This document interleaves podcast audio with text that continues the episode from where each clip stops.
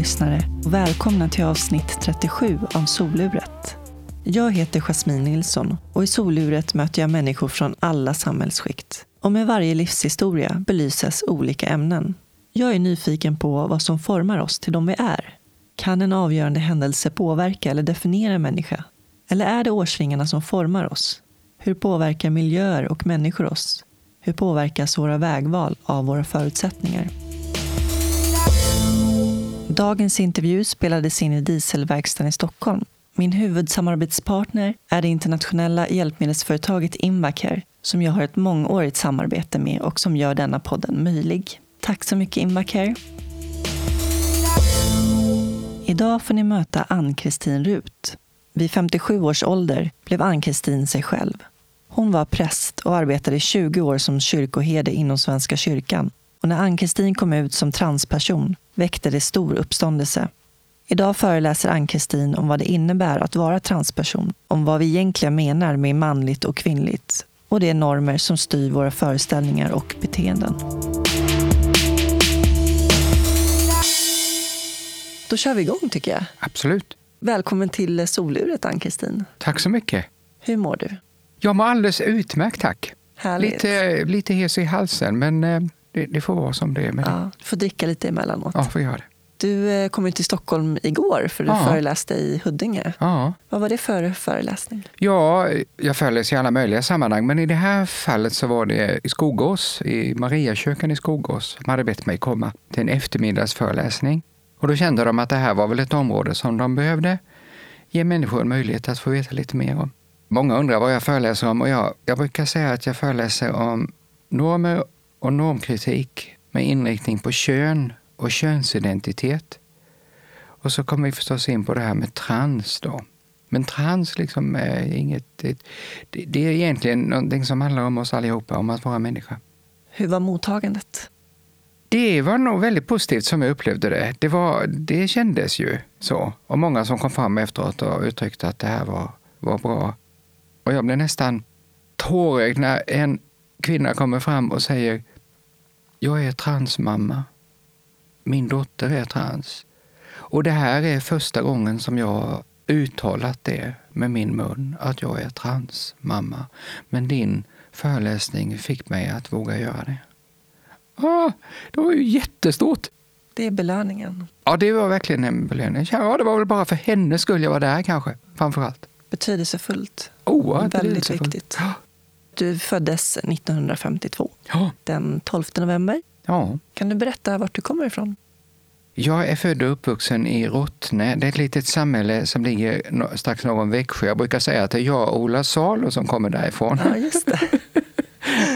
Eh, och jag är smålänning och det hörs ju med en gång naturligtvis. Fast jag har bott på många håll, både i Sverige och utomlands. Nu har jag bott länge i Växjö en period, 15-20 år nästan.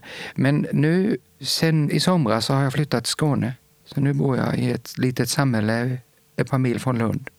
Hur var din eh, uppväxt? Ja, jag är nummer två i en syskonskara på fyra. Mina föräldrar var folkskollärare. Det är en fin titel, men det är nästan en utdöd ras. Jag tror man får ingen som kallar sig folkskollärare. Men eh, de var det, båda mina föräldrar.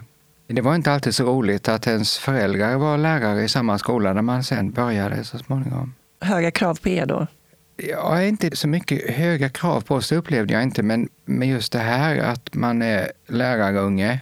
Att vara prästunge och lärarunge, det är nog ungefär lika illa tror jag. Bland kompisarna så. På vilket sätt? Det är lätt att bli mobbad. Och det är klart att det var jag. Under hela skoltiden var jag det. Varför? Ja, säg det.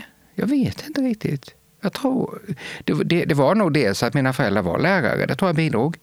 Eh, även om mina föräldrar väl inte var precis illa omtyckta så, tror jag inte. Men, men det kanske var så, det har jag funderat över. Det kanske var så att jag var... Att jag upplevdes udda. Jag var inte med och spelade ishockey och, och fotboll som de andra killarna. Jag kände mig aldrig hemma med sånt. Ehm, och var väl kanske lite ensling, kanske. Hur blev du mobbad? På vilket sätt blev du utstött? Ja, jag fick ett öknamn som jag inte ens vill ta i min mun. Fortfarande. fyller dig med, med skam eller så. Den känslan av obehag. Så man kan ju skratta åt idag, kanske borde man kunna det. Men jag känner att nej, jag vill inte ta det i min mun.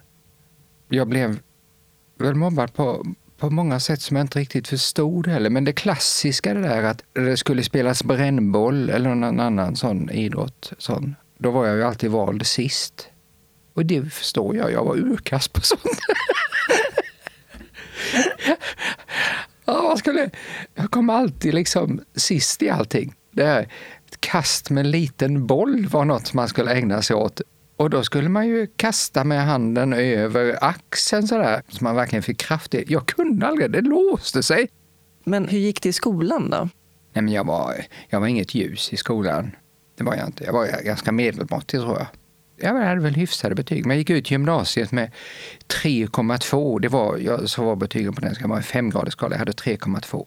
Jag hade annat som jag tyckte var roligare. Och vad var det? Jag var med, på gymnasiet så gick jag med i en gymnasistförening, en kristen gymnasistförening. Och där blev jag engagerad. Och där, för första gången så var det ingen som kände till min bakgrund, så att säga, min mobbebakgrund. Och jag blev inte mobbad utan människor såg mig som då, på den tiden, som vilken kille som helst. Och jag upptäckte att jag, jag var duktig på saker och, och blev ianspråktagen och jag blev ordförande så småningom i den här föreningen. Och, och jag ägnade nog all min tid åt den här föreningen. Studierna var inte så viktigt. Mm.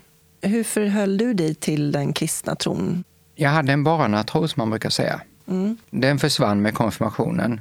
Konfirmationen var för mig det var en väldigt gammaldags konfirmation med utan till läsning och lärning och, och så. Den gav mig ingenting. Eh, så att under ett antal år där så kan jag nog säga att min barnatro den försvann. Den kom väl tillbaka på gymnasiet när jag kom med i den kristna gymnasistföreningen och, och jag fick en egen, en egen personlig tro. Den har ju den har varit viktig för mig hela livet. Mm. Så är det. Och jag valde så småningom att bli präst. Det var inget självklart val. Så jag skulle egentligen vilja bli musiker, men jag började men insåg att nej, jag hade inte jag brukar säga att jag var för dum för det, men, men jag var nog framförallt inte tillräckligt uthållig. Ska du bli musiker så måste du ha ett oerhört fokus på det, ett oerhört engagemang, för det kräver jättemycket. Det gäller ju alla konstformer. Ja, jo, så är det ju. Men var det ett av dina stora intressen, då, musik, ja, som barn också? det är det fortfarande. Var kom det ifrån? Ja, säg det. Min mamma hade ett stort musikintresse. Jag minns fortfarande när vi fick en stereoanläggning hemma. Det skulle vara hela familjens anläggning. Den placerades i vardagsrummet. Man hade det på den tiden, ett vardagsrum. Och där placerades den och vi barn fick noggranna föreskrifter om att vi skulle vara mycket försiktiga med den anläggningen. Men mamma älskade musik och, och det, blev, det blev viktigt för mig också. Mm. Jag lärde mig älska klassisk musik. Och jag spelade, jag kom med i en blåsorkester på högstadiet och var med i den under hela gymnasietiden. Det var oerhört roligt. Men när jag flyttade till Lund så fortsatte jag spela och kom med i symfoniorkestern i Lund. Det var inte riktigt... Det är stort. Ja, det är stort och det var inte riktigt lika roligt för jag upptäckte ju ganska snart att jag var katten bland hermelinerna. De var ju halvproffs de som var där. Jag var ju i hög grad amatör. Men det fanns ingen tubaist, för jag spelade tuba nämligen. Så det fanns inte så många att välja på. Hade det funnits det så hade jag ju aldrig kommit med. Nej. Men det var höga krav och, och, jag kände hela tiden att jag inte riktigt levde upp till dem. Nu finns det dokumenterat på en LP-skiva i alla fall. Mm. Ja. Det är ett fint minne i alla fall. Ja, ja. Men när jag flyttade från Lund så, så blev det slut på det. För att tuban ägde inte jag. Den hade jag fått låna av symfoniorkestern. Det var alldeles för dyrt att skaffa en egen då. Mm. Din yngsta dotter, Ester Roxberg, skrev mm. en bok min pappa Ann-Kristin heter den. Ja. Och då kom jag in på att läsa lite intervjuer med henne på nätet. I en intervju så berättade hon att redan när du var fyra år så kände du att du var annorlunda. Stämmer det? Säger hon det? Mm. Okej. Okay. Jag försökt att analysera det. Har jag verkligen uttryckt det? Jag vet att andra som jag kan berätta om det, att de vet jättetidigt att de inte är den kille eller tjej som alla sa att de var. Och jag har inte de starka minnen av en, en sån slags medveten övertygelse om det. Men jag kan väl ha minnen från tidig ålder att jag, att jag kanske kände mig mer hemma med tjejerna. Jag har en sån där flash, när, då var jag ju inte gammal, men vi står utanför huset där vi då bodde och det är några killar där och jag säger, ska vi leka? Nej, de vill inte leka med mig. Och då står en flicka bredvid. Då lägger jag armen om henne och säger, leker jag med Susanne? som en självklarhet liksom och blir fullständigt utskrattad. Och det fattade inte jag. Jag fattade varför skulle jag inte kunna leka med Susanne? Och jag känner mig mycket mer befryndad så att säga, med henne än med, de, med killarna. Där. Det är sådana minnen. Jag har en, också en sån här flash, det är sån här blixtminne. Som att vi sitter i köket och av någon anledning så, så får min mamma för sig att skoja med min ett och ett halvt år äldre bror och sätta på honom en kjol på något vis. Och han fäktar förtvivlat för att slippa detta. Medan jag kände att jag väldigt gärna skulle vilja ha den där kjolen på mig. men det kände jag att nej, men det förstod jag att det, det kunde man inte. Det är sådana där enstaka minnen. Men inget, ingen jättestark övertygelse om att nej, men jag är i själva verket flicka. Det kom i puberteten, skulle jag säga, när puberteten började inträda. Det är då jag liksom allt starkare känner att jag vill absolut inte vara kille. Jag längtade oerhört efter att få vara tjej istället. Och varför? Det har jag ingen aning om. Alltså, vi är i mitten på 60-talet. I Lilla Rottne talade vi absolut inte om sådana här saker. Alltså, inte bara för att man inte skulle, utan därför att det var ett icke-ämne. Vi hade en svartvit kanal på tvn. Datorer och mobiltelefoner och allt vad vi, som vi tycker självklart idag, det fanns ju inte ens i science fiction-böckerna. Jag visste ingenting om det. Jag trodde jag var alldeles ensam i hela världen om att känna så här och skämdes förskräckligt. För alla hade ju sagt att jag var kille. Ja, precis. Och gett mig massor med liksom, bekräftelse på det. Mm. Med namn och kläder och leksaker och allt vad därtill hörde. Jag har inget minne av att jag precis vantrivdes med det. så. Liksom. Det fanns liksom inte heller något utrymme till någonting annat. Man blir liksom stöpt i en form. Ja, man blir stöpt i en form och vet inte hur mycket den skavde. Men det, och vad som är efterkonstruktionen nu då. Jag vet bara att när jag kommer in i så här, 12-13 års åldern kanske, någonting, så skaver det jättemycket. Och jag har alltid skämts för min kropp. Det har jag ju starka minnen av från långt tillbaka. Jag gick i simskola, det är sådana starka minnen. Jag sitter där och övar torrsim i en sjö i närheten av Rottnarna, eller precis utanför. Det var iskallt vatten.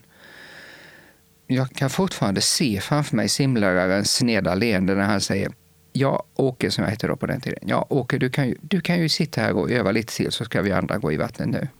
Mm. Och det var nog okej okay med mig, för jag ville inte gå i vattnet. Jag ville inte. Inte bara för att det var kallt, utan därför att jag skämdes förskräckligt med badbyxor som satt åt, och så blöta badbyxor då, som satt åt och visade mina könsorgan som... Och jag kunde inte, jag kunde liksom inte klä det i ord, men det var en, det var en skam. Liksom. Usch. Hur hanterar man det som barn? Ja, hur hanterar man det som barn? Man, man...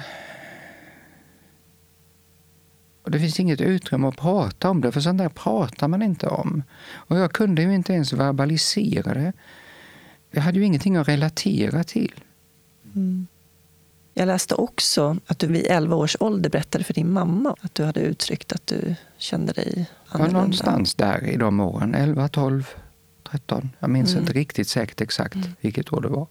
Det måste ju krävas mycket för ett ja. barn som är 11 år att ta det steget att faktiskt säga det rakt ut. Även om man inte säger exakt kanske vad det är. Utan ja. att... Det krävdes jättemycket. Det var ja. jag, jag, och jag bävade jättemycket för det. Hur ska jag våga göra detta? För det var liksom, alltså det var ju en oerhört stark längtan i detta och samtidigt förenat med skam att jag visste att nej, usch, så här, det här är konstigt, det här, så här får det inte vara. Och någonstans tänkte jag väl, det var någon slags dröm att berätta detta för mamma så kommer hon kanske att hjälpa mig. Men det blev ju ett väldigt kort samtal. Jag minns inte alls att jag blev på något sätt eh, hånad eller, eller bannad eller, eller någonting sånt. Eh, men jag minns att det var ett väldigt kort samtal som jag tror att gick ut på att mamma att hon blev orolig, tror jag. Och ville nog inte visa sin oro.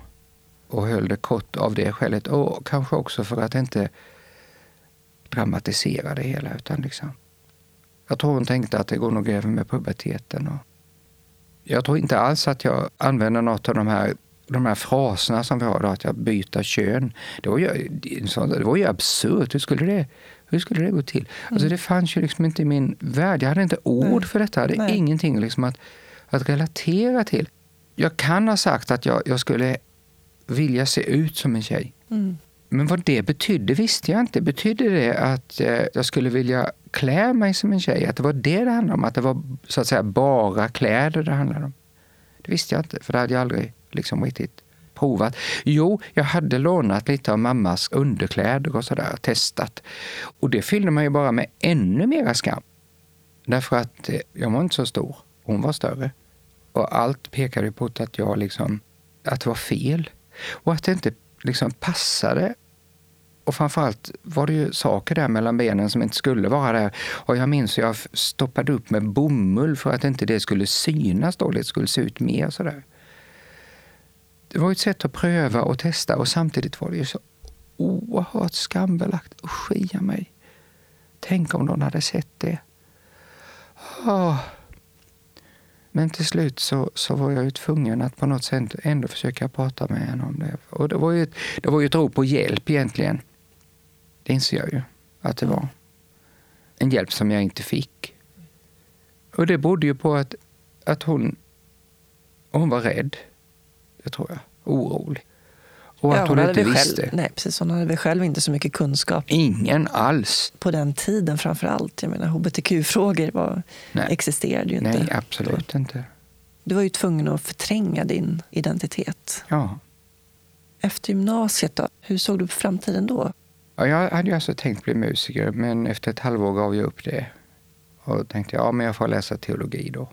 Jag hade läst eh, helklassisk linje på gymnasiet, vilket innebar att jag läste latin och grekiska. Jag var språkintresserad.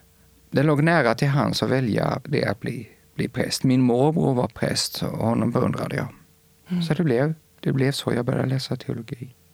Jag tänker, hur, är, hur förenligt det är med din tro och när det gäller de här sakerna som har med trans att göra så är kyrkorna, alla kristna samfund, nästan utan undantag, det finns några mindre kristna samfund som är undantagen, men alla de stora etablerade kristna samfunden är knäpptysta när det gäller trans.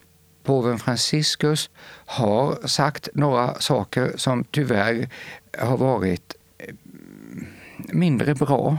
Alltså så här återhållande, att liksom så. Inte rent ut fördömande, men, men liksom så här Ja, mm, det är det. Man ska inte göra ingrepp i kroppen och, och så här. Så. Det finns... Eh, det är inte svårt att hitta på nätet liksom, olika kristna sammanhang som uttalar sig väldigt avvisande. Även när jag växte upp då började jag arbeta så småningom i Svenska kyrkan så man talade ju inte om de här sakerna överhuvudtaget. Men du vet, du vet att du är fel. Du vet att så här ska du inte vara om du är en riktig riktig kristen. Och en riktig präst, absolut, ska du ju inte vara sån här, för ingen annan är sån. Och ändå bär du detta inom dig och du både skäms för det och, och kämpar med det. Å ena sidan är det alltså det som är kyrkans, man uppfattar som kyrkans tro, fastän kyrkan inte har sagt någonting, så vet man att det är fel. Och sen min eget förhållande till den Gud jag tror på, så kände jag aldrig någonsin att Gud dömde mig eller fördömde mig eller så. Det är klart att jag många gånger önskade att jag tänkte att mitt gudsförhållande skulle bli ännu mycket bättre om jag bara inte var sån här. Och det var en kamp under många år. Det var det. Mm. Det tog många år för mig att lära mig att Gud älskar mig som den jag är och att jag kan slappna av i det. När man förtränger sig själv, förtränger sin identitet så starkt mm. för att passa in i någon slags norm vad gjorde det med dig ja, som det, och det, det är spännande att du ställer den frågan till mig idag. Därför att i morse satt jag och, ja, jag är inte så väldigt mycket ute på Facebook. Jag finns där, men jag följer inte flödena så jättemycket. Jag orkar inte. men idag var det ett inlägg ifrån någon amerikansk sajt som handlar om trans. Och den kille, och han talar om det här med att hålla undan sig själv. Och det kommer till mig, det är en slags medvetenhet som jag haft hela tiden, men den kom till mig idag igen så starkt att det här handlar inte bara om att, att liksom få lov att vara sig själv och sådär. Det handlar om att få lov att vara den människa du är, som du är, till din fulla kapacitet. Och det omgivningen gjorde mot mig i sin rädsla och okunskap och, och, allt vad det innebar, det var ju att hindra mig från att verkligen få lov att vara den människa jag är. Och jag kände liksom så starkt att jag hade varit jag hade absolut varit en mycket bättre präst. Jag hade varit en mycket bättre eh, förälder absolut hade varit en mycket bättre förälder och säkert en mycket bättre partner att leva med också. Om jag inte hade behövt lägga så otroligt mycket energi på att hålla undan mig själv mm. under alla dessa år. Aha. Utan istället få liksom få lov att bara vara den jag är. Och det tycker jag är allvaret i det här. Fortfarande när, när människor som jag kämpar med sådana här saker. Så pass många år? Ja, ett halvsekel. Nu säger de ju att självmordsstatistiken är ju väldigt hög bland transpersoner. Ja, inte minst bland unga transpersoner. Och det kan jag verkligen förstå. Ja. Alltså, man måste förtränga en så stor del av sig själv och orka leva i en värld där man känner att man inte platsar in. Mm. Och det är en kamp för inte minst många unga transpersoner.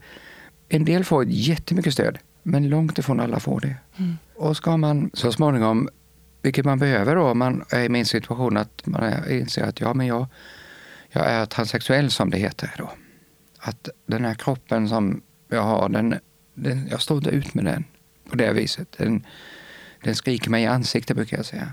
Ska man få hjälp med det, få den få sån könsbekräftande behandling, ja då måste du till in i en utredning.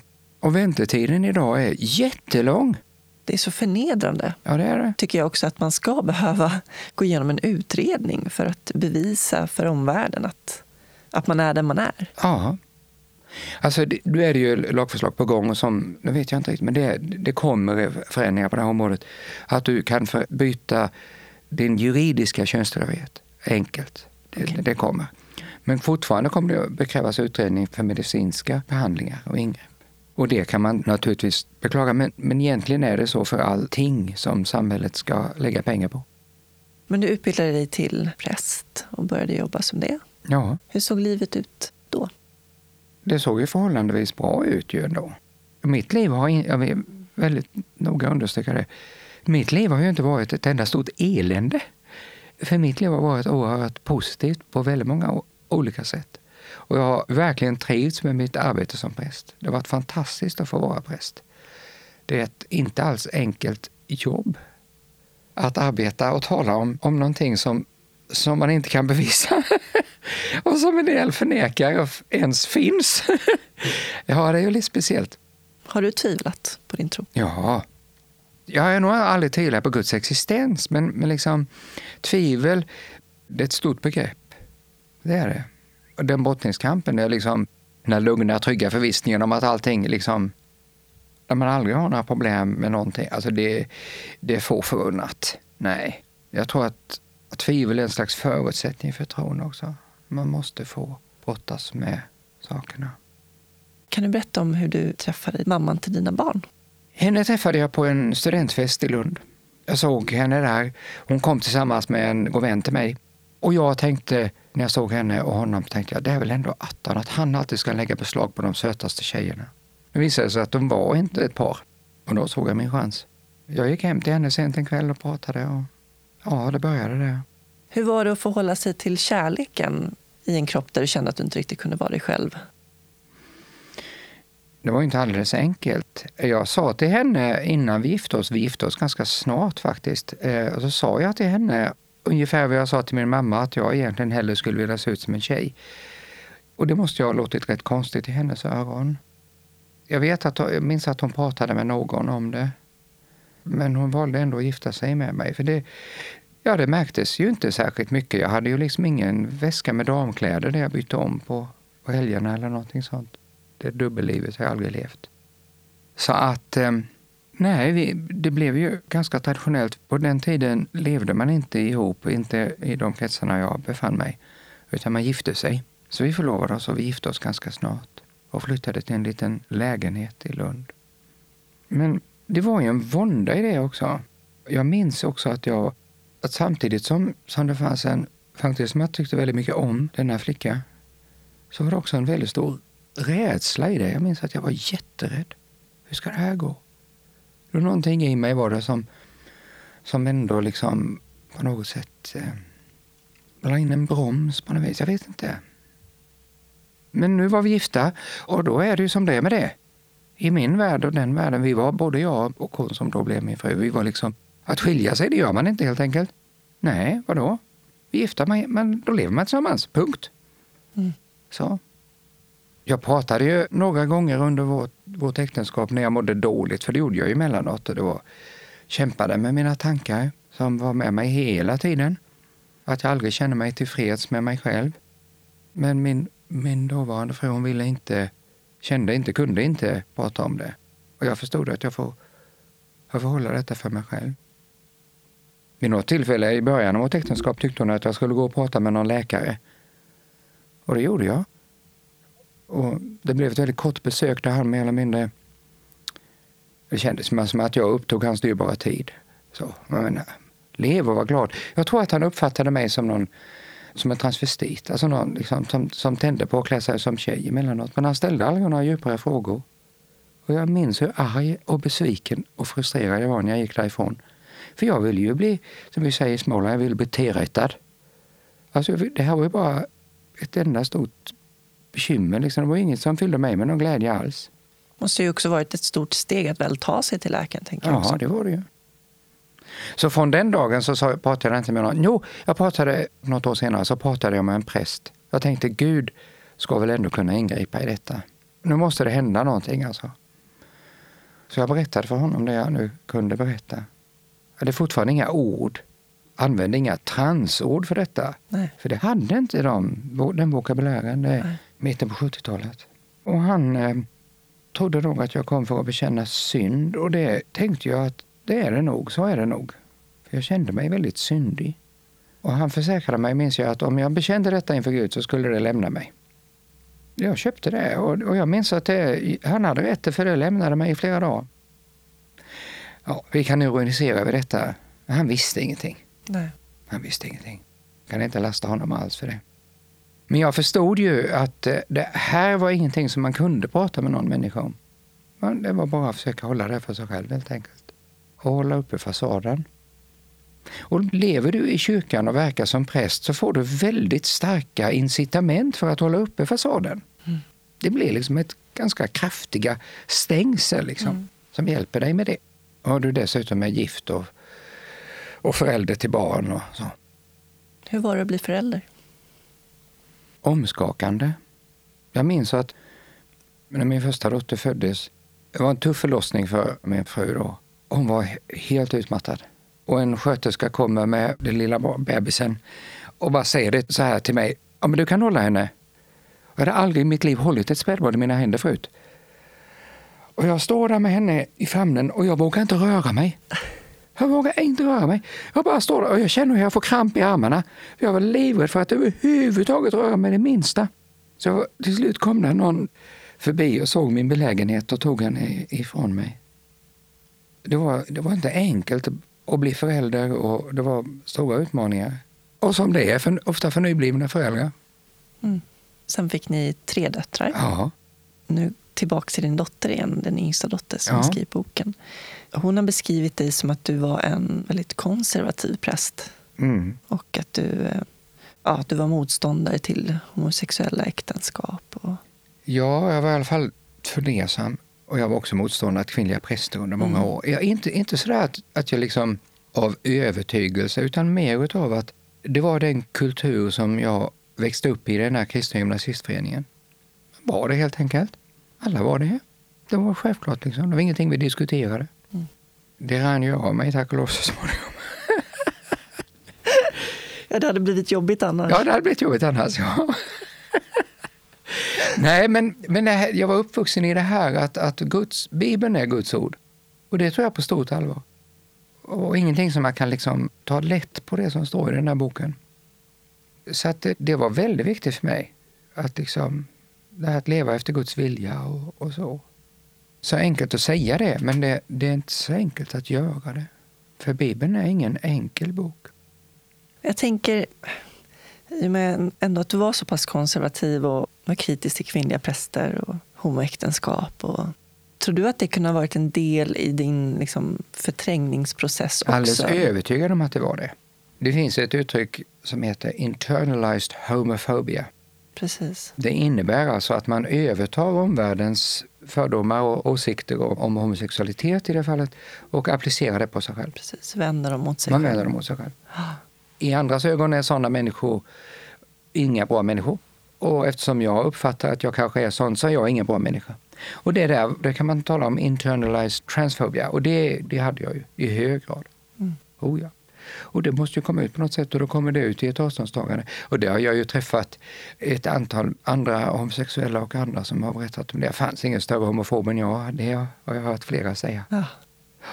ja, det är ju en överlevnadsmekanism också. Ja, det tror jag. Mm.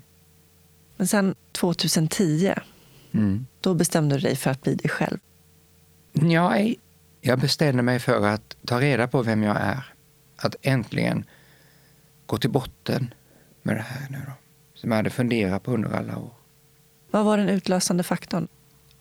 Jag hade en downperiod igen och pratade med min dåvarande fru om det och hon sa om igen, du kan inte prata med mig, du måste prata med någon annan om detta. Jag fortfarande levde den där psykologen eller vem det nu jag var jag pratade med, den här läkaren tidigare, levde kvar i minnet. Men nu tänkte jag, nej, nu får jag faktiskt, nu måste jag faktiskt göra detta efter alla år. Jag måste. Så då började jag söka på nätet efter någon som fanns på lagom avstånd och hittade ett ställe i Malmö som heter Centrum för sexuell hälsa. Ringer dem och säger, kan jag tala könsidentitet med er? För det förstod jag att det var det det handlade om. Ja, sa de, det kan du göra. Man får komma även om man inte är från det här landstinget. Ja, det går bra. Och, och när kan jag få komma då? Ja, kan du nästa vecka? Åh, va? Inte ett halvårs väntetid? Ja, oj. Och där fick jag träffa en kurator som kom att bli ett oerhört stöd för mig. Som mötte alla mina rädslor och som kunde ställa relevanta frågor. Och hon har följt mig genom alla åren faktiskt. Och då förstod jag att nu måste jag ta reda på detta. Alltså jag insåg det, att nu måste jag liksom se vad, vad det handlar om. Handlar det om fetischist liksom? Eller, eller vad är det egentligen? Det förstod jag väl att jag inte var. Men jag började väl träffa henne där på våren, mars, april någonting, 2010. Alltså den tanken att jag skulle kunna gå ut på stan som mig själv, som Ann-Kristin den tanken var så främmande för mig så att alltså, jag var fullkomligt övertygad om att jag kommer att se helt tokig ut. Jag kommer att se ut som jag är på rymmen från något billigt tivoli. Så jag, jag vågade inte tro att det skulle vara möjligt alls. I våra samtal där så tänkte jag, minsann, nu måste jag faktiskt ta reda på det. Jag ägde inte ett enda kvinnligt plagg överhuvudtaget. Så det fick ju börja med att, dels fick det börja med att jag får lära mig att ta hand om mitt utseende. Kan en en man 50 plus lära sig att sminka sig. Det som flickor ofta får lä lära sig själva, jag säga, från tidig ålder. Ja, jo, det går. Jag var tvungen att skaffa något hår som såg något ut för att mitt hårfäste jag hade hunnit flytta sig alldeles för långt bak pannan. Så mitt eget hår dög inte, det funkade inte. Och när jag väl kunde göra det så var jag tvungen att skaffa mig en, en garderob. Hur gör man då? Ja, jag tänkte på olika varianter på detta tema. Om man skulle köpa något från någon postorderfirma eller, eller liksom bara gå in någonstans. Och, men det kändes som någon slags låtsaslek också. Liksom. Låtsas att man skulle köpa någonting till sin fru eller något sånt. Det blir väldigt konstigt. Jag kände inte för att leka låtsaslekar. Så jag ringer upp eh, det stora varuhuset i Stockholm som jag visste hade personal shoppers och sa kan ni hjälpa mig? Jag minns fortfarande hur tyst det blev i telefonen. Åh! Ja, jag vet inte. Det har vi nog aldrig varit med om detta förut. Jag vet inte om det finns någon som, kan, som skulle vilja detta. Ja, vi får se. Jag ska se, jag ska höra. Ja, jag säger, de hör aldrig av sig. Men det gjorde de faktiskt. Jag fick tid och fick träffa eh, en jätteduktig personal shopper som var outstanding. Och så kunde jag skaffa en garderob så jag äntligen hade någonting att på mig. Då kunde jag ta hand om mitt utseende. Alltså, det är svårt att, att, förstå det här kanske, men, men jag hade varit rädd för mig själv hela mitt liv.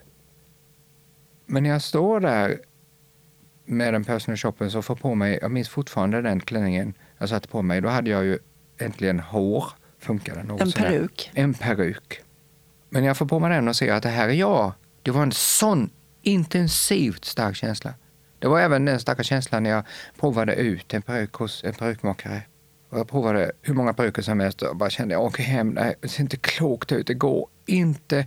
Och så äntligen får jag på mig en peruk och jag ser att det här är ju jag, det här är jag. Så där skulle jag ha sett ut från början. Alltså, så, alltså, du förstår. Det, och det var en sån stark känsla. Ja, det måste verkligen varit starkt. Det var en väldigt stark känsla. Men det är inte så att alla blir glada när man kommer och berättar det. min dåvarande fru vill absolut inte veta någonting om detta. Jag minns hur jag, vi hade lånat vår äldsta dotters lägenhet i Stockholm och, och hur jag på natten smyger upp och, och sminkar mig och gör mig i ordning och klär på mig. Det var precis då jag hade fått min garderob alltså. Så jag tänkte jag måste och går ut mitt i natten mellan två och tre någonting på natten. Jag kan tänka mig att man vill bara visa för hela världen. Ja, men man vill det. Ja. Och, och, det var inte en människa ute och jag var så besviken. Det kom en ensam taxibil glidande där, liksom. det var allt som hände. Liksom. Åh! Och jag tyckte jag var jättestolt över mig själv och glad och, och så. Men det blev ju en period när jag förstod att jag skulle möta alla andras rädslor. Och en präst som var trans, det var inget som välkomnades kan jag säga. Det förstod jag ju väldigt tydligt. Det visste jag ju instinktivt. Så. Eh, och det var en lång, det var två år då jag tvingades till ett, till ett transvestitliv. Där jag ibland kunde få, i enstaka fall kunde få klä mig som mig själv, men, men annars fick leva dubbelliv.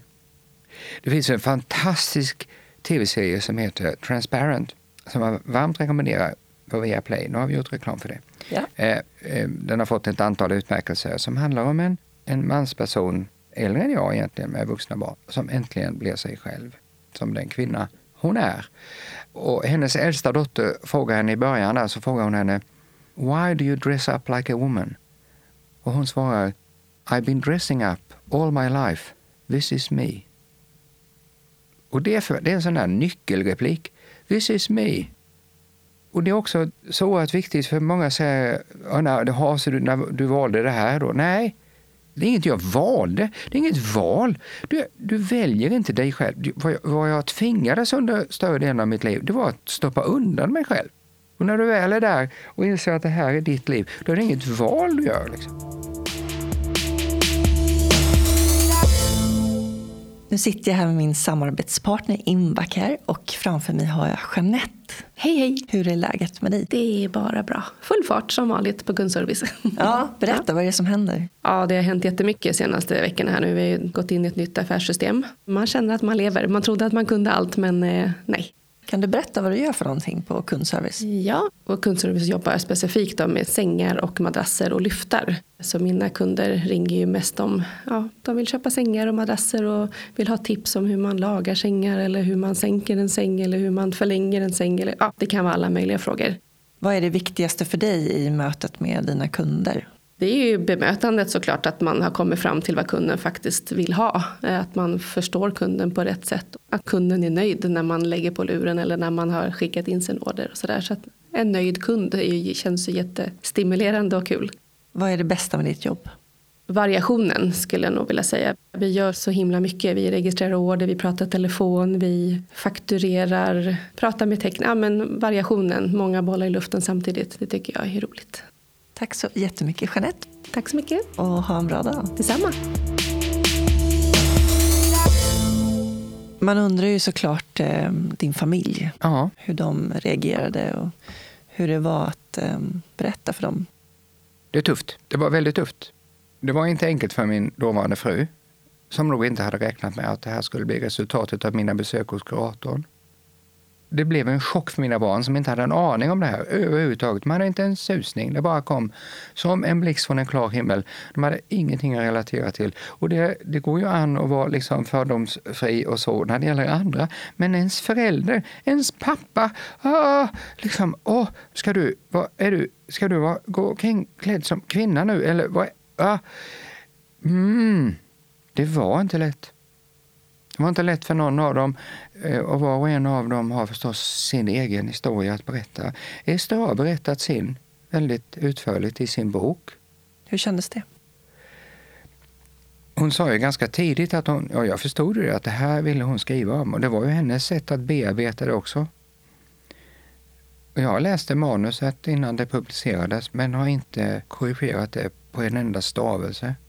För det är hennes sanning. Det är hennes berättelse. Det finns saker i den som jag kan säga, men så var det väl inte. Och det, det hände väl inte i den ordningen. Och sådär, men det, nej, det är hennes sanning.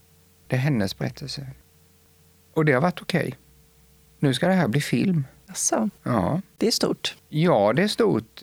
Filminspelningen ska börja om en månad. Det är ingen filmatisering av boken. egentligen, utan det är en filmatisering utav, man dramatiserar skeendet så att säga. Det som man kan säga att den har inspirerat till det här då.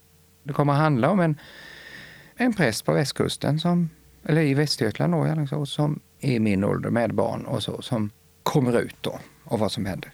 Jag får inte lov att avslöja vilka skådespelare det är, men jag kan väl säga att det är mycket kända skådespelare som kommer att spela huvudrollerna. Får du vara involverad på något vis?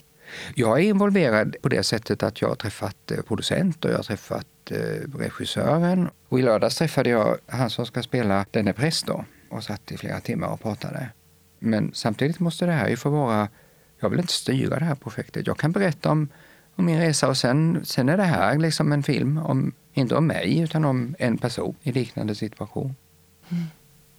Hur tänker du kring eh, vad dina barn ska kalla dig för någonting?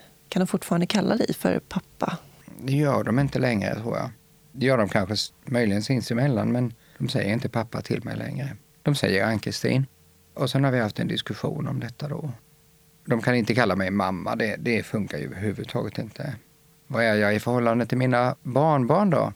Ja, jag är inte morfar, det funkar inte. Jag skulle inte ha någonting emot att bli kallad mormor. Kan man ha två mormödrar? Ja, det är många som har två mormödrar. Ännu är vi inte där kan vi säga. Vi får väl se. Och här kan jag inom parentes bli lite irriterad för det finns gott om människor runt, runt omkring som tycker som tycker att eh, Esters bok inte skulle heta Min pappa Ann-Kristin och som tycker och som vet precis hur vi ska göra i vår familj och så. Ja, det är rätt tröttsamt kan jag säga. Det ser olika ut i olika familjer och alla måste hitta sitt sätt, vad som funkar. När du väl blev dig själv, för det är så du vill kalla ja. det för, då var du kyrkoherde. Mm. Hur reagerade din arbetsplats och dina medarbetare? Ja, de hade ju inte heller någon aning. Låt mig säga att, att det liksom, min komma ut-process, det är våren, sommaren 2010. Sen dröjde det till maj året därpå innan jag berättade för dem. Och där hade jag förberett noga hur jag skulle göra det. Då berättade jag för dem en medarbetarsamling. Jag hade förarbetat det här rätt bra innan. Jag pratade med ett par medarbetare innan och hade med en en person som skulle fungera lite grann som moderator eller vad vi ska kalla det för. Så jag visade dem en bild på mig som Ann-Kristin och sen eh, sa jag det här, frågade dem om de kunde gissa vem det var. Hon som var yngst vågade till slut säga, men det är ju du. Och sen berättade jag så gott jag kunde. Sen gick jag ut och sen fick de prata sinsemellan. Det var ju en oerhörd överraskning för dem. Det var väl det sista de kunde tänka sig av mig överhuvudtaget.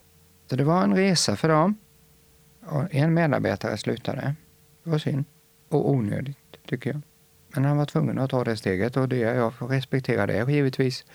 Och det blev väldigt mycket diskussion om, om det är möjligt. för Kan man vara präst och vara, vara sån här? Kan man vara kyrkoherde och vara sån här? Kan man leda en gudstjänst och vara sån där? Och folk tog sina slutsatser.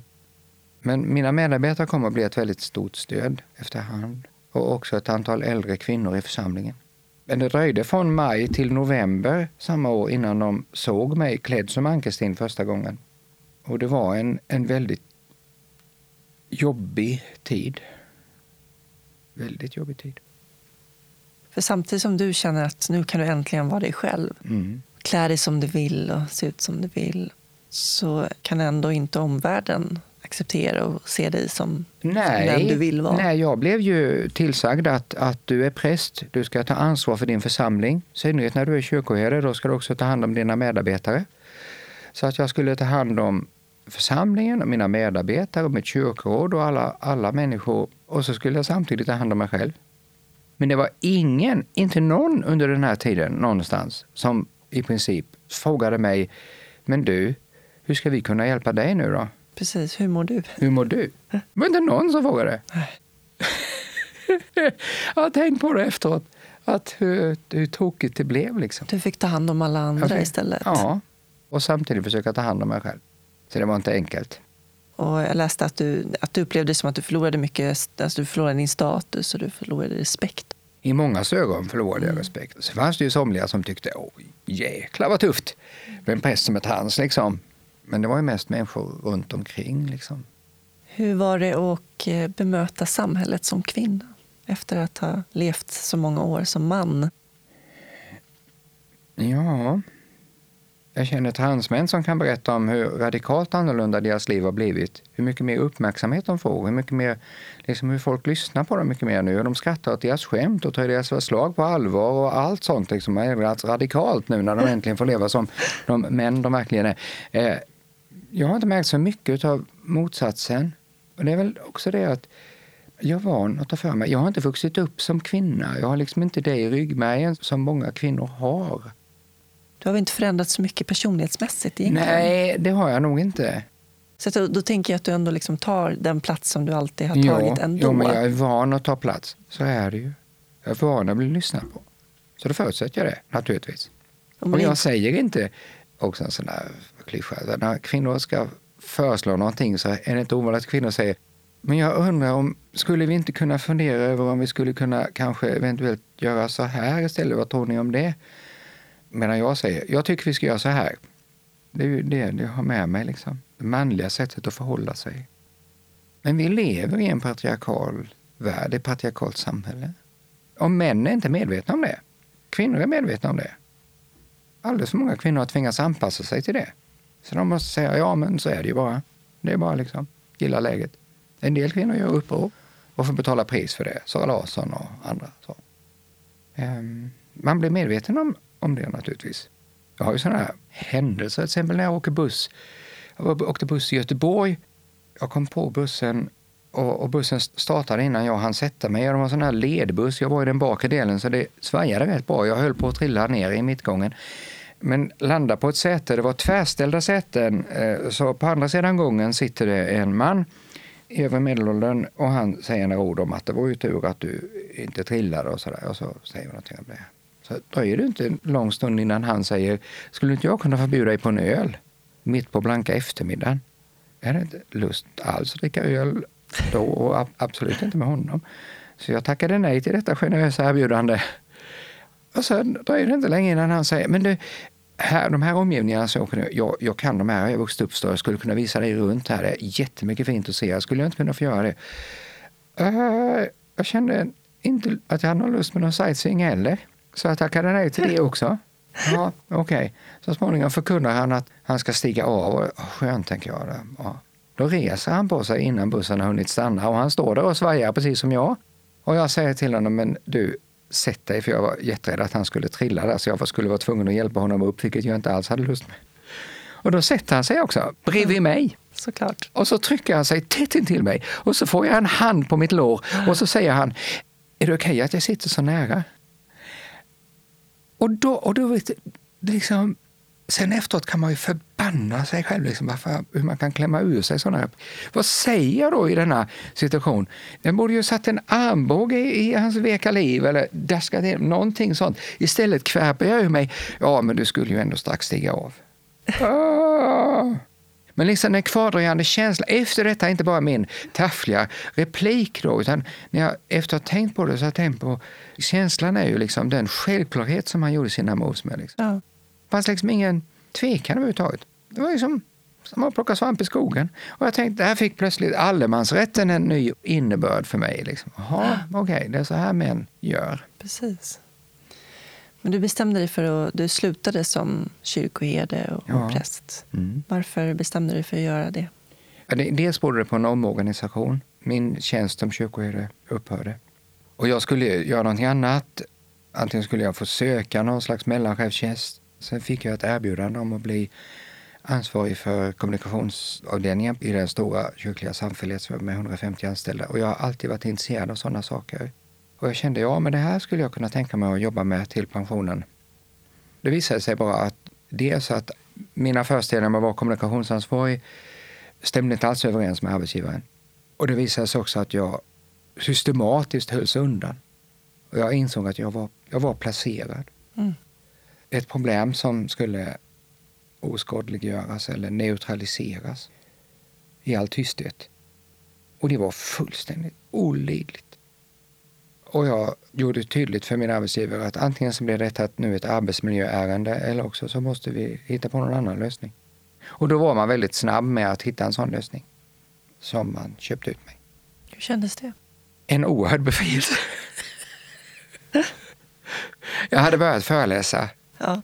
Och kände att jag har ändå en hyfsad pension. Jag kommer att få bra bröd på bordet ändå. Om det nu inte skulle bli något mer med föreläsandet. Men det blev det ju.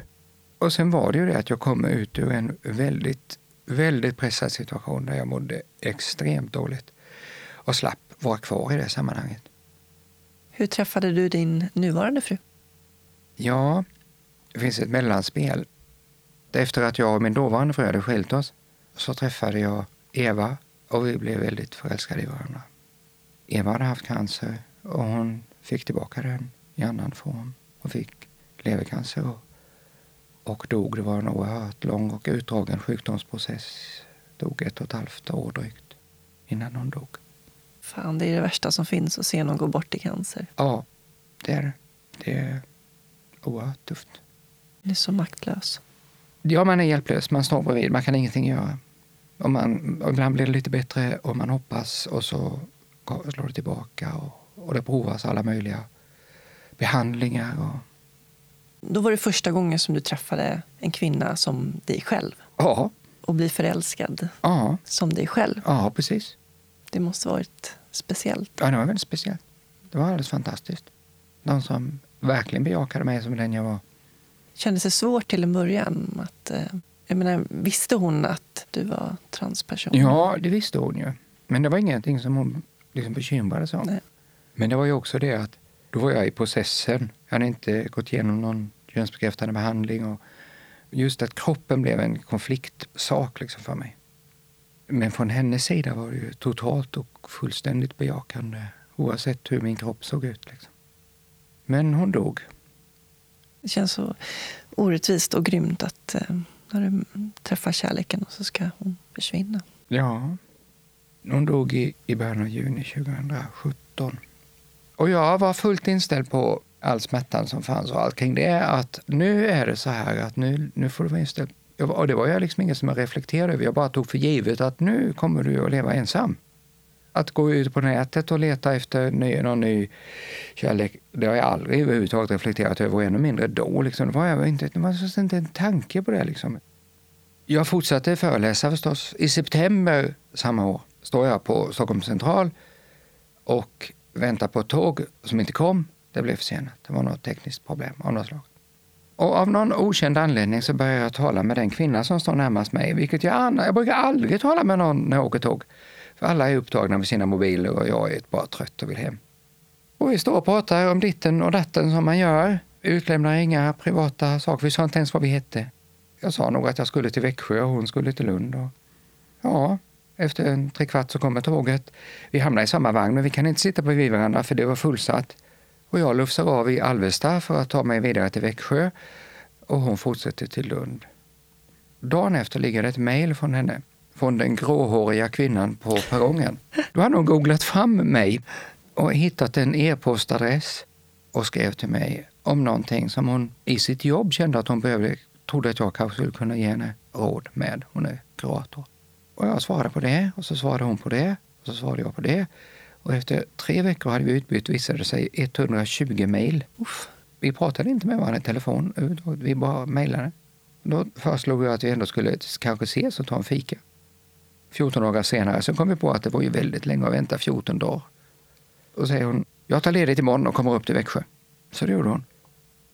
Och eh, ja, nu är det svårt att hålla tårarna tillbaka, men, men eh, eh, i december samma år så hade vi bestämt att när vi skulle gifta oss och bokat kyrkan och skrev inbjudningskort till 100 personer.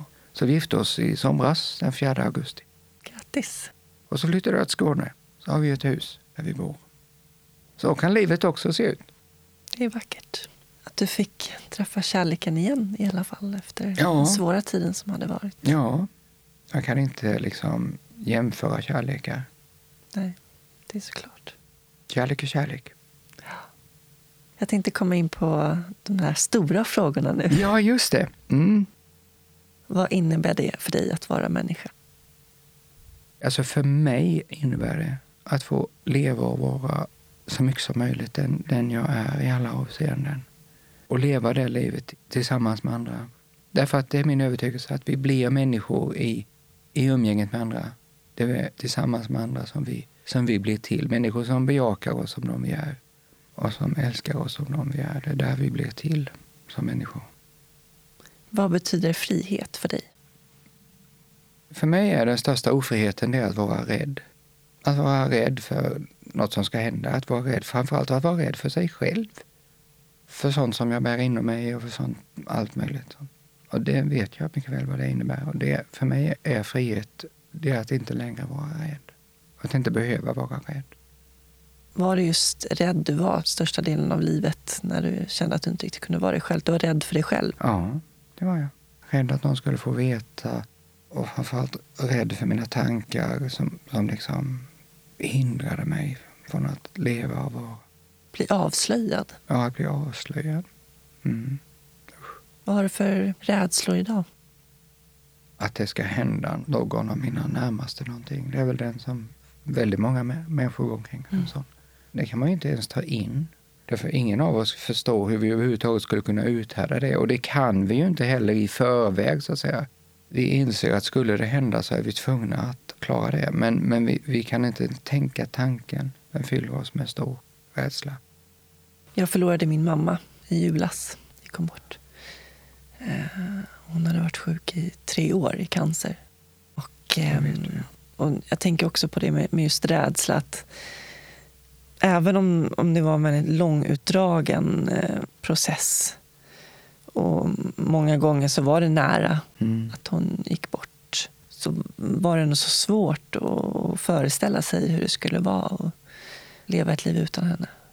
Och då tänker jag också på det här med, just med rädslan, rädslan att förlora någon och också förstå hur det, hur det känns. Att inte den människan finns längre. För det, det tänkte jag också mycket på. Liksom hur, det, var så svårt att föreställa sig alltså, att, att den människa som står en så nära inte skulle finnas längre. Mm. Och Eva som jag var förlovad med, ja, sommaren har det ju gått två år sedan hon dog. Jag tänker på henne varje dag. Att jag älskar min nuvarande fru så oerhört mycket. Mm. Det liksom förhindrar inte det att, att Eva är ändå fortfarande där i mina tankar. När vi, ja, just det, det gjorde vi. Ja. Och så kommer det en vemod i det. Och jag tror att det är så. Det är inget som går över. Det är ett R som man bär med sig i livet för var och en av oss som har de här erfarenheterna. Och vi går ibland och känner på det där ärret. Mm. Det gör sig påmint. Verkligen. Men det känns som att efter att hon hade gått bort då kände, sen, kände man ännu större rädsla att förlora fler mm. som står en nära. Mm. Började tänka på min man och hur skulle liksom vara. Jag kan inte föreställa mig ett liv utan honom. Ja, precis. Och vi, kan, vi måste på något sätt eh, förhålla oss till det att livet är skört. Mm. Och det är så enkelt att man ska leva nu. Ja. Mm. Det finns ju de som säger till mig, men ångrar du inte att du blev dig själv tidigare? Vad ska det känna Vad till? Vad ska det känna till? Alltså livet är nu. Mm. Och vi måste försöka förhålla oss till det och, och, leva där. Jag tänkte på det också. Vi pratade lite innan där om just uh, olika begrepp och benämningar. På engelska så säger man transition. Mm. Hur tänker du kring det? Hur ska man försöka få människor att förstå varför det är viktigt? Vi har ju en oerhörd förmåga att lära oss nya ord och nya saker.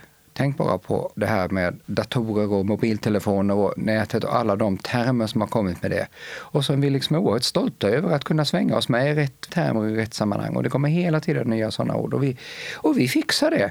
Men varför ska det vara så himlen svårt när det gäller människor? Bara en sån sak som att folk säger att ja, det är väl inte så noga om man råkar säga fel pronomen. Nej, men folk blir alldeles förfärade om man råkar säga fel pronomen om ens hund. Just det. Liksom. Och alltså, han, ja men det är en hund. Åh oh, förlåt. Alltså, men hallå, om det är så himla viktigt när det gäller en hund, kan det kanske få vara lite viktigt när det gäller en människa då? Och gå till dig själv. Hur vill du bli tilltalad och omtalad? Och sen de här orden som könskorrigering som är ett sånt där favorituttryck, inte minst i media då.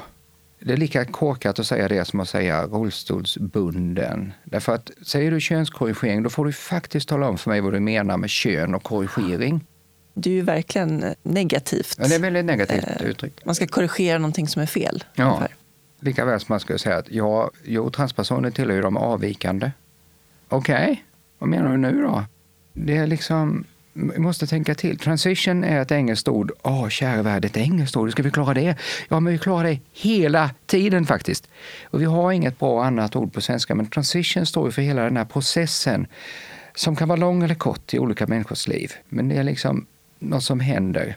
Och det är en transition i alla våra liv på alla möjliga sätt. Vi har en transition till exempel när vi träffar någon som vi blir förälskade i och som vi så småningom gifter oss och så upptäcker vi att nu är vi ett äkta par. Det är en transition. Vi har en transition ifrån att gå från att vara tonåring till att vara vuxen. En transition. Det finns jättemånga sådana transitions. Därför är det väldigt bra ord. Och den innebär väldigt olika saker för olika människor men det innebär att du äntligen lever som den du är. När grät du senast? Allra senast grät jag nyss när vi, när vi började prata om min älskade Lina mm. och hur vi träffades. Jag hade skrivit att jag grät när nyligen, när, nu för en vecka sedan, var tvungen att, att ta bort vår hund.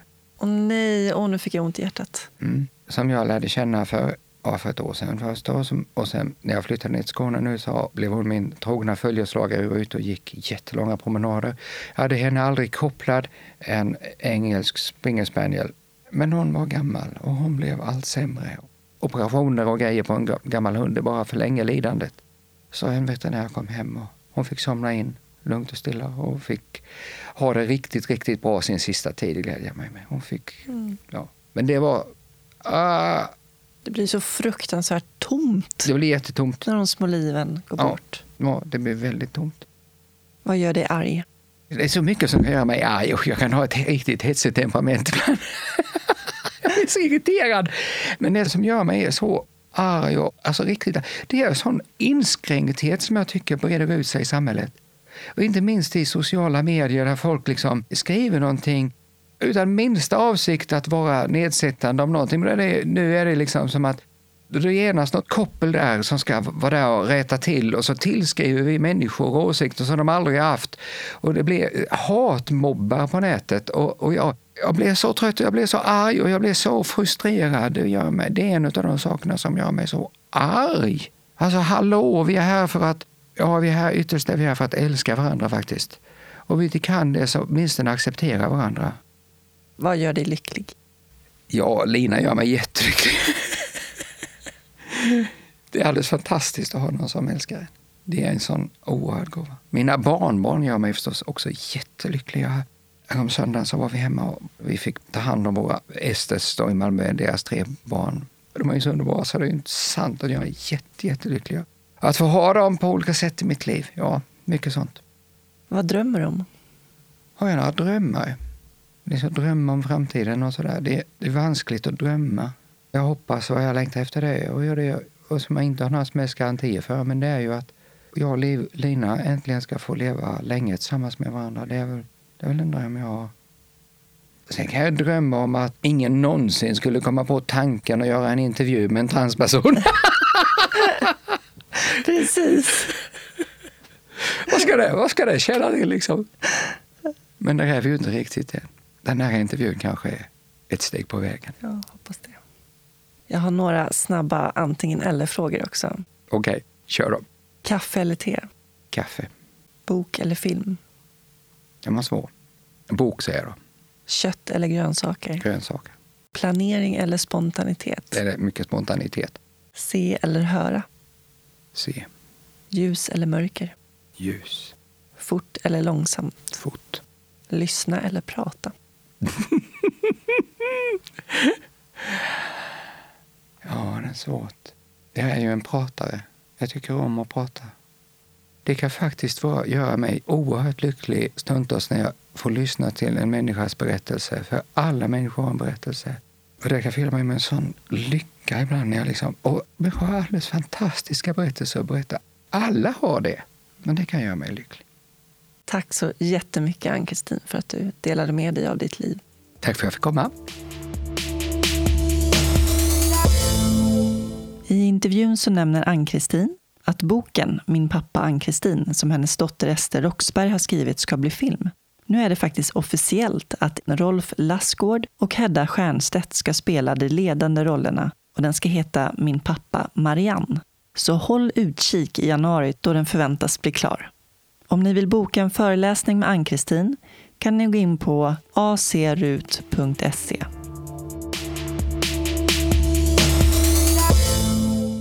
Följ gärna Solur på Facebook och Instagram. Tack än en gång till min huvudsamarbetspartner Invacare. Mer information om Invacare och deras produkter hittar ni på invacare.se. I nästa avsnitt får ni möta Vedad Begovic. Vedad föddes 1968 i forna Jugoslavien. När han som 20-åring blev inkallad till det jugoslaviska kriget bestämde han sig för att fly. Idag är han utbildad etnolog vid Stockholms universitet och har under många år arbetat som integrationsstrateg på Eskilstuna kommun. Vedads hjärtefrågor är integration och mångfald. Avsnittet publiceras måndag den 27 maj. Med tanke på dagens gäst avslutar jag med ett citat av Coco Chanel. Så många bekymmer man slipper när man bestämmer sig för att inte vara någon annan än sig själv. Tack så mycket för att ni lyssnade. Puss och kram. Hej då!